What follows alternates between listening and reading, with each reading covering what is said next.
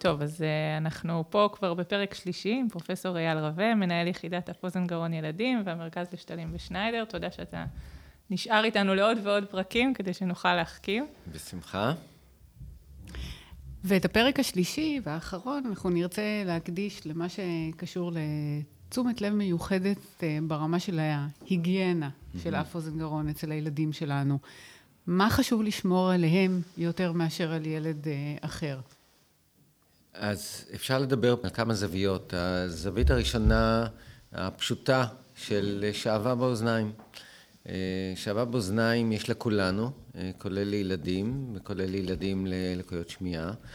אה, שעווה באוזניים, אם נעזוב רגע את עניין לקות השמיעה, אנחנו לא אמורים לגעת באוזניים, לא בניקוי עצמי כמבוגר ולא בניקוי לילד שלנו כהורה. השעווה יש לה מנגנון ניקוי עצמי לאוזן. אה, ניקוי עם אה, מקלות אוזניים, קיסמי אוזניים, אה, ברוב המקרים גורם יותר לשעווה להיכנס פנימה, וזו הסיבה הנפוצה לפקקי שעווה. לכן לא אמורים לנקות עם קיסמי אוזניים. ילדים או מבוגרים שיש להם נטייה לצבור שעווה, וזו נטייה שונה מילד לילד, צריכים ללכת להיבדק, אחת בהתאם ל... לה...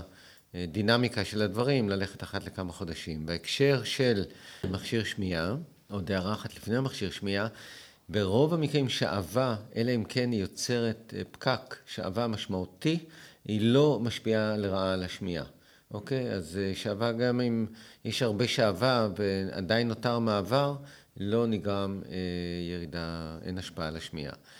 אז בילדים שנעזרים עם אה, מכשירי שמיעה, אמ, יש להם יותר נטייה אה, לצבור, לצבור שעווה, מכיוון שהאוזנייה אה, דוחפת את השעווה פנימה, מפריעה למנגנון הטבעי של הניקוי של האוזן, אה, וגם האוזנייה נוטה להיחסם, ואז מרגישים את זה בתפקוד של המכשיר.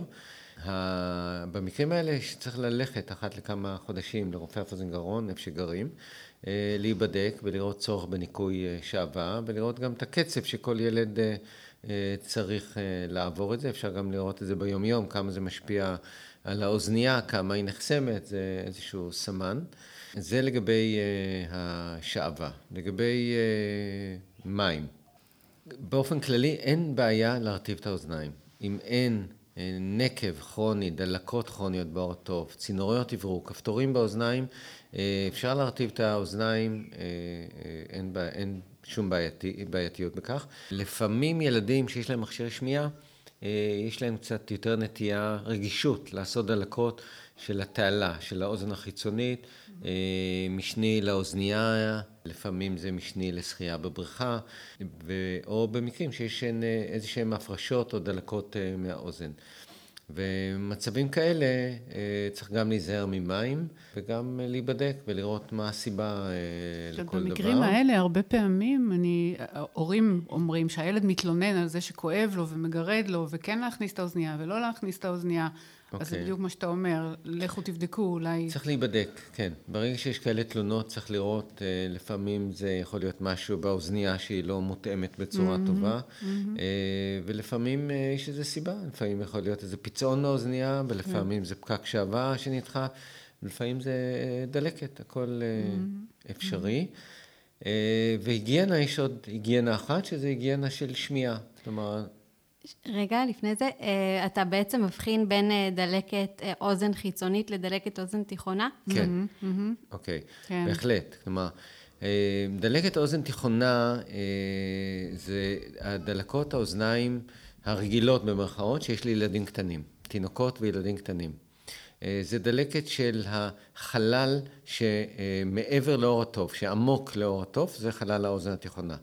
אה, זו דלקת שמתבטאת בכאב, בדרך כלל, לא תמיד לפעמים באים ורואים את זה כממצא מקרי בבדיקה מקרית, אבל בדרך כלל זה, זה משמעותי כשזה מלווה בכאב, בעליית חום, אה, ולפעמים יכול להיות הפרשה מהאוזניים.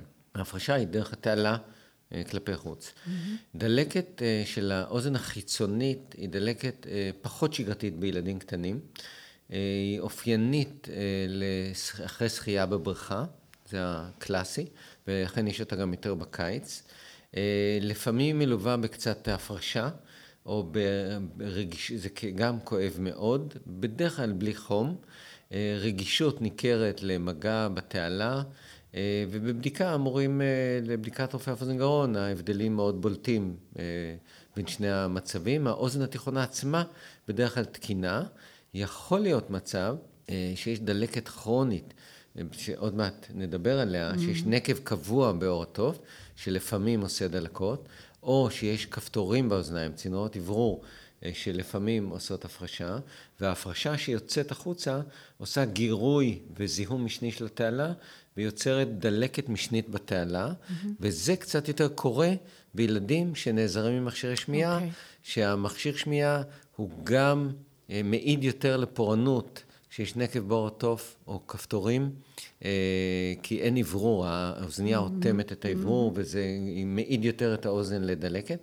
וגם אם יש הפרשה, השילוב של אוזנייה שמונעת את היציאה החוצה של ההפרשה ומגרה יותר פיזית את האור תעלה, גורם לזיהום משני של התעלה. אז מה היית ממליץ בהקשר הזה לתחזוקה שוטפת של הורים לילדים עם מכשירי שמיעה? כי אני מבינה שזה באמת יכול... מה ההיגיינה, לתחזק את האוזנייה? אוקיי, אז אם אין... אין בעיות של האוזן התיכונה, כלומר mm-hmm, אין נקב mm-hmm. ידוע, אין mm-hmm. נטייה גדולה לדלקות או אין צינוריות אוורור, כפתורים באוזניים. התחזוקה הבסיסית היא לנקות את האוזנייה כמו שהיצרן מנחה, לדאוג שהיא תהיה נקייה, לא חסומה, וללכת לרופא אף אוזן גרון בתדירות המתאימה לפי הצרכים, לפי הבעיות שנוצרים, ללמוד את הצרכים של הילד מהבחינה הזאת לניקוי שעבר ולבעיות מסוג זה. אוקיי. Okay. הזכרנו עוד uh, uh, היגיינה אחת, שזה ההיגיינה של השמיעה, uh, של עוצמת הקול. Uh, אנחנו, uh, האוזניים שלנו uh, ניזוקות מרעש חזק מדי, מחשיפה. זה תלוי במשך החשיפה ובעוצמת החשיפה. החשיפה. אה, וילדים שיש להם אה, לקות שמיעה מולדת או נרכשת, הם מועדים יותר ל... אה, להיפגע. הם מתחילים ממקום פחות טוב, ואנחנו פחות רוצים לפגוע, יותר רוצים להיזהר איתם. ולכן בחשיפה לרעש, אם זה באוזניות שהם שומעים מוזיקה, בגיל המתאים, או אם זה במסיבות, או אם זה באירועים חברתיים, הם צריכים להיות מודעים לזה, אה, שהאוזניים שלהם רגישות יותר. אה, כמובן שאי אפשר אה, לשלוט כל הזמן במה שקורה, במה שהם מאזינים, וצריך הרבה מודעות של ההורים והרבה הסבר שהילד יבין. הגיל הזה מתקשים להבין ולשתף פעולה עם כאלה דברים, אבל זה חשוב. אוקיי. Okay. אמ, um, רצינו לחזור לדבר על קולסטיאטומה. אוקיי, okay. אז נדבר על אה, שתי מחלות אה, כרוניות של האוזניים, הכוונה פה לאוזן התיכונה.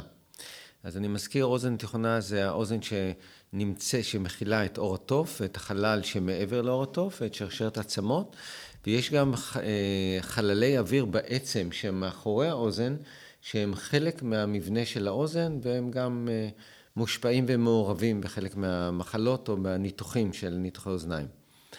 אז המחלה הראשונה היא נקראת דלקת כרונית אה, רגילה או פשוטה בעברית של האוזן התיכונה. אה, במצב כזה יש נקב בעור תוף, חור בעור תוף, קבוע, אה, והוא נגרם בדרך כלל משני לדלקת. יכול להיות גם מטראומה, אבל קלאסי ברוב המקרים זה בגלל דלקות. האם זה קשור לדלקות רבות שהיו ב... בינקות כילד? בחלק מהמקרים כן, ובחלק מהמקרים זה נרכש בגיל מאוחר יותר, ואני רוצה עוד פעם להדגיש שרוב הילדים שיש להם דלקות בילדות, גם עם דלקות חוזרות, הרוב המוחלט שלהם לא יפתח נקב קבוע, לא יפתח דלקת כרונית אה, באוזן. הגילאים של נקב קבוע באוזן, אה, אנחנו מתחילים לראות את זה בדרך כלל איפשהו בגיל 4-5, אה, לא לפני. ברוב המקרים. Uh, המשמעות של נקב uh, באוזן של דלקת כרונית כזאת, זה לא אומר שכל הזמן יש דלקת, זה אומר שיש נטייה לדלקות. אז יש ילדים שיש להם הרבה דלקות, תכף נסביר מה גורם לדלקות, ויש ילדים שיכול להיות להם uh, פעם בשנה, או גם, או גם זה לא. זה בא עם איזושהי השפעה על השמיעה, ירידה בשמיעה. יכול להיות משהו מינורי, תלוי בגודל של הנקב, במיקום שלו, ותלוי אם הדלקת שגרמה לנקב השפיעה גם על השרשרת עצמות. Mm-hmm. ברוב המקרים, השרשרת העצמ... עצמימי השמע, יש שלוש עצמימי שמע שמעבירים את השמיעה מאור התוף לאוזן הפנימית, והעצמימי שמע הזעירים האלה, העצמות הזעירות האלה, אה, לעתים נפגעות, לעתים רחוקות, אבל עלולות להיפגע מדלקות. במקרים כאלה ההשפעה על השמיעה תהיה חמורה יותר, ואז יהיה לנו ירידות שמיעה הולכתיות יותר. אה, ברוב המקרים אנחנו מדברים על ירידות קלות, איפשהו בסביבות המספרית 25, 30, 35 דציבל, זה הסדר גודל, אם יש לנו נקב בלי מעורבות של השרשרת אה, עצמות. הטיפול אה, בדלקת כזאת הוא קודם כל טיפול מניעתי, כשהדבר החשוב זה לשמור שלא ייכנסו מים לאוזן. Mm-hmm. כשמים נכנסים לאוזן דרך נקב, יש סיכוי גבוה לדלקת אוזניים, זה גם בבית וגם ים בבריכה. ואנחנו ממליצים על אטמי אוזניים, האידיאלי זה אטמים, אטמים לפי מידה שעושים במכוני שמיעה, לוקחים את הגודל, את המידה, זה האידיאלי, או אטמים פשוטים, או צמר גפן עם וזלין, שממלאים אותו וזלין, ואז הוא נהיה שמנוני, ומכניסים בחלקו לאוזן. אמ, הפתרון, אה, דלקת באוזן יכולה, נקב באוזן יכול גם להיסגר מעצמו. אה, זה קורה בחלק משמעותי מהמקרים, כך שאם אנחנו פוגשים פעם ראשונה נקב באוזן, אנחנו לא ממהרים להמליץ על הטיפול, הוא טיפול ניתוחי, והטיפול כשיש דלקת הפרשות זה בדרך כלל טיפול בטיפות מקומיות לאוזן, ולעיתים בדלקות עקשניות יותר מטפלים גם עם אנטיביוטיקה. אה, דרך הפה או לפעמים באשפוז, זה די נדיר שצריך את זה. הדלקות האלה מגיבות, נדבר על הדלקות הפשוטות, הן מגיבות בדרך כלל, אה, כשיש נקב קבוע, מגיב מהר מאוד אה, לטיפות באוזניים או עובר גם לבד. אם הנקב הזה הוא ממושך, כלומר הוא לא נסגר לבד במהלך הזמן, אה, אנחנו ממליצים לסגור אותו בניתוח, ניתוח שנקרא טימפנופלסטי, פלסטיקה של האורטוף.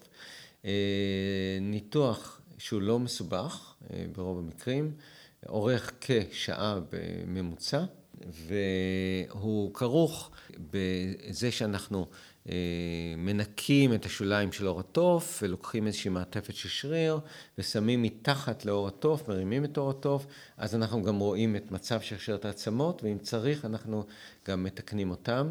אה, ניתוח יחסית, אה, יחסית פשוט ויחסית יעיל, מצליח ב-85-90% מהמקרים. בדרך כלל מקובל שמתחילים לעשות אותו איפשהו בגיל 7-8. אה, תלוי במצב האוזן, אם יש הרבה דלקות צריך קודם לטפל בהם, ובדרך כלל זה עושה את העבודה אה, בהקשר של אה, ילדים עם לקוי, לקויות שמיעה.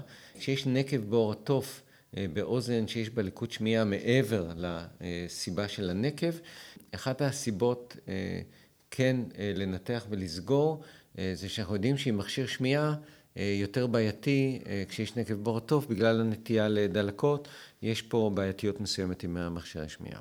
ולכן אה, ההמלצה היא כן לעשות מאמץ לסגור את הנקבים אה, באור התוף, אה, ואז זה מאפשר להשתמש במכשירי שמיעה הרגילים, ההולכת אוויר, בצורה טובה. במצבים אחרים, אם יש הפרשות כרוניות שלא מתגברים, יש לנו את האופציה של מכשירי הולכת עצם. אז זה הדלקת הכרונית הפשוטה, במרכאות הרגילה. אה, של האוזן התיכונה. עכשיו אנחנו אה, מדברים על מחלה קצת יותר מורכבת, קצת אה, פחות נפוצה, אבל עדיין, בעיקר במקומות שמטפלים בילדים כאלה, היא מחלה די שגרתית. זה נקרא קולסטאטומה. קודם כל, מה זה, מה זה קולסטאטומה? קולסטאטומה זה הצטברות של חומר קרן, קרטין, שיש לנו על העור בגוף בכל מקום, כולל על עור התוף במצב הטבעי. אה, הזכרנו מקודם שיש מצב של תמט של עור התוף.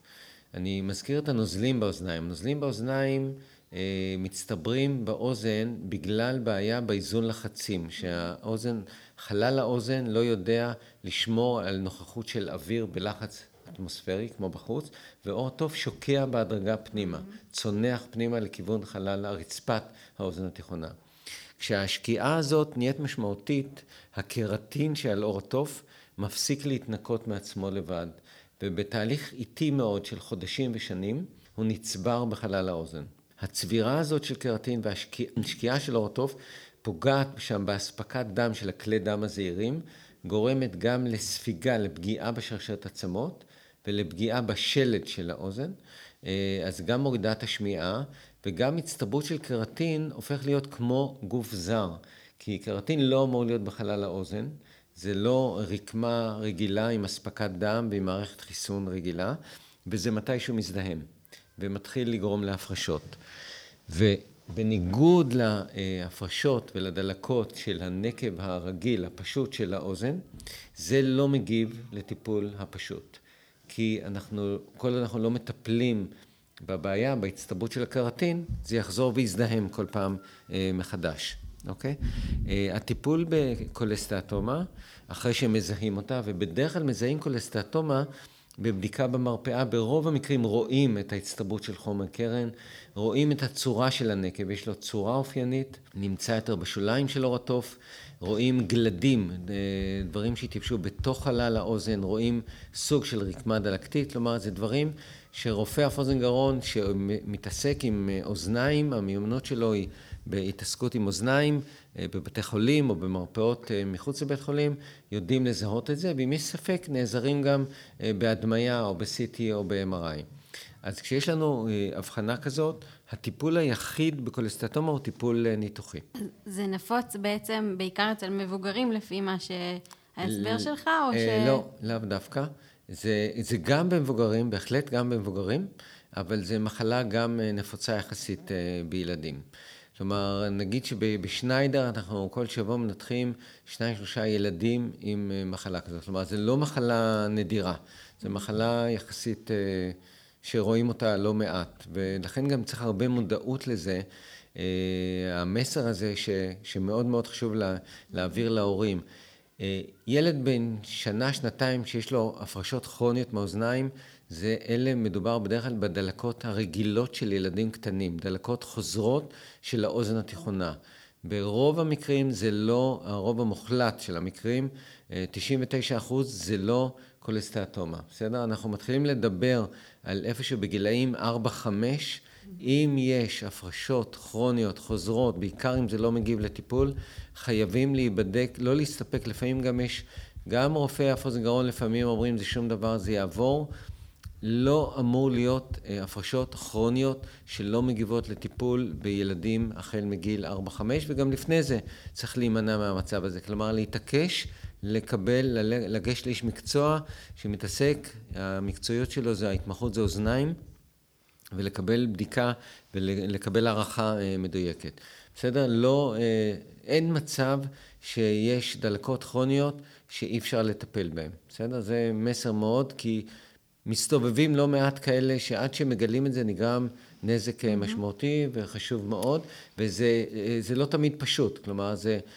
זה סוג של אה, אומנות של התעסקות, כמו שאנחנו mm-hmm. יודעים, ההתמקצעות היום ברפואה היא כזאת שכל אחד מתעסק עם הדברים המאוד מיוחדים, ורק חשוב לדעת שלא לא לקבל מצב של אה, הפרשות כרוניות מהאוזניים שלא מגיבות אה, לטיפול. אני מבינה, ותקן אותי אם אני טועה, שאתה חוזר ומדגיש את זה, כי קולסטטומה זה מצב שאנחנו רוצים לטפל בו. חד וחלק. אנחנו לא אוהבים כן. את המצב נכון. הזה. נכון. זה okay. אוקיי. מצב שהוא יכול להיות מסוכן. כלומר, mm-hmm. בניגוד לדלקת הכרונית הפשוטה, הנקב הפשוט, שגם יש לו סיכונים, אבל נדיר שהוא עושה סיבוכים, האוזן יושבת ליד המוח, כלי דם גדולים, אה, עצב הפנים עובר באוזן. אה, אנחנו, יש, אנחנו רואים את הסיבוכים של דברים מוזנחים שלא מטפלים בהם. כלומר, זה לא, מח... ברוב המקרים אין סיבוכים, כן? אבל אם לא מטפלים לאורך השנים, בהחלט זו מחלה עם סיכון. אז לפי מה שאתה אומר, יש פה בעצם... אה, חשוב שההורים ידעו על הדבר כדי שהם יוכלו לעקוב. נכון. אה, זאת אומרת, לשים לב כשהאוזן מפרישה, להיות על זה במעקב, כדי כן. שיוכלו לדווח לאף אוזן גרון. בהחלט, בהחלט. כן. אוקיי. כן. אוקיי. אנחנו מתקרבות, מתקרבים לסיום, אז אם למישהי מכן יש עוד שאלות, פרופסור רווה, אם לך יש עוד משהו שרצית כן. להגיד לפני ש... אז אני רוצה להגיד עוד משהו. אה, בהקשר הזה של אה, דלקות כרוניות באוזניים, קולסטטומה, הדלקת הפשוטה יותר באוזניים, המצבים האלה הולכים עם פגיעה בשמיעה גם. בחלק מהם אפשר לתקן, בחלק גדול אפשר לתקן, לא תמיד. ואני חייב להודות שלפעמים אנחנו הרופאים, גם הרופאים שעוסקים בזה, לא תמיד אנחנו מתעסקים ועסוקים עם ההתמודדות הרפואית ועם כל המשמעויות של זה, ולפעמים קצת שוכחים במרכאות את עניין השמיעה. אז זה משהו שאנחנו מחויבים לעצמנו מאוד בגיל המתאים לשלוח גם לשיקום, ובגיל היותר מאוחר, כלומר גם שיקום, אבל בהחלט כל הנושא של לטפל בשמיעה, וגם ההורים צריכים לזכור שצריך לתת לזה מענה, גם אם הם לא קיבלו את המענה, לדרוש אותו, את ההתייחסות לפתרון השמיעתי. לפעמים מאוד שמחים להתגבר על הניתוח ולצאת מהמחלה, ושהמחלה לא חוזרת והכל טוב, ולפעמים גם ההורים לא חושבים שהילד מסתדר ולא צריך מכשיר שמיעה באוזן שנשארה עם ירידה בשמיעה, וגם הילד זה בגיל המבוגר יותר, לא פשוט לשכנע את הילד, אז זה איזושהי התמודדות שההורים, אנחנו וההורים צריכים מאוד לזכור אותה גם. אוקיי. Okay. ורצית קצת להתייחס בכמה מילים על התהליך הניתוחי, על הטיפול בקולסטיאטומה? כן, אפשר. ככה, בקולסטיאטומה, בניגוד לניתוח הפשוט של נקב באוזן, שאנחנו מרימים את אור התוף, סוקרים את חלל האוזן ואת מצב שרשרת העצמות, וסוגרים את אור התוף, בקולסטיאטומה זה ניתוח מאתגר הרבה יותר. אנחנו, הניתוח עצמו נקרא מסטואידקטומי, כי העצם מאחורי האוזן היא נקראת העצם המסטואיד, שהיא חלק מעצם האוזן, זה חלל אחד, והמחלה גם מעורבת שם, וזה גם משמש כגישה לנישות, לאזורים. האנטומיה של האוזן מאוד מורכבת. האוזן הפנימית גובלת באוזן התיכונה, ויש שם ממברנות עדינות, ואנחנו מאוד צריכים להיזהר, לא לגרום שם נזק. עצב הפנים עושה מסלול ארוך באוזן, רקמת המוח נמצאת לא רחוק, כלומר, זה דברים שגרתיים שאנחנו עובדים שם ורגילים ולא נדיר שנגרם נזק, אבל זה עבודה מאוד עדינה ואנחנו רוצים גם, גם לנקות את המחלה מכל הפינות שלה והנישות האנטומיות שיש שם.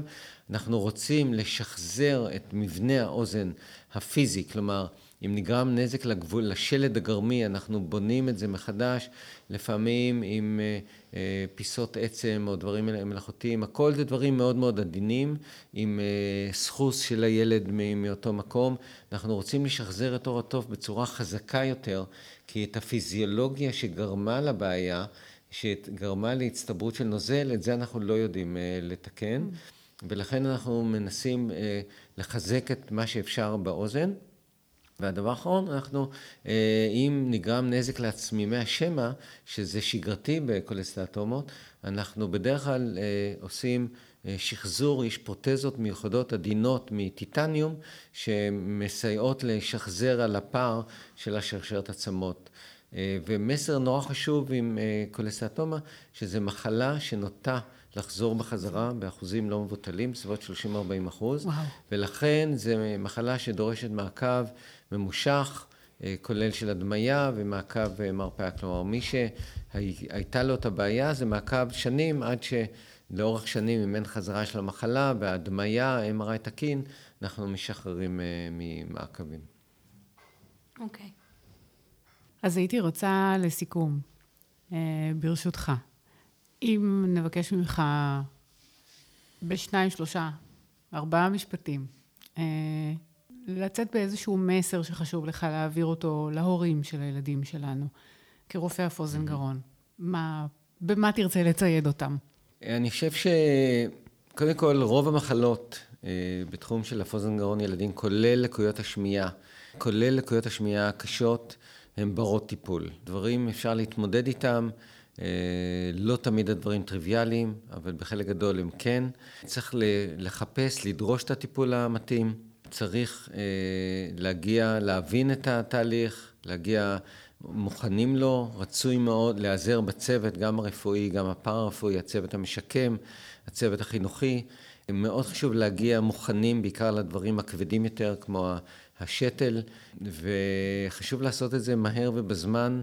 טיפול בגיל הצעיר, השיקום, אם זה מכשיר שמיעה או אם זה שתל, בגיל צעיר הוא, והשיקום ההולם, כל המס... הדברים שנעשה, כל המסביב שנעשה כמו שצריך לעשות, הוא המפתח לקבל uh, תוצאות uh, טובות, ומניסיוננו, גם במיכה, גם בבית חולים, שניידר, בתי חולים אחרים, התוצאות הן, ברוב המקרים הן מדהימות, זה עשה מהפך גדול ביכולות שלנו להתמודד, בפחות ופחות צורך של המוסדות לחרשים שהיו פעם, בהחלט מקום לאופטימיות. אז עם המסר האופטימי, אנחנו נודה לך מאוד מאוד. תודה רבה. שהקדשת לנו את הזמן וגרמת לנו להחכים. תודה רבה. תודה לכם, שמחה.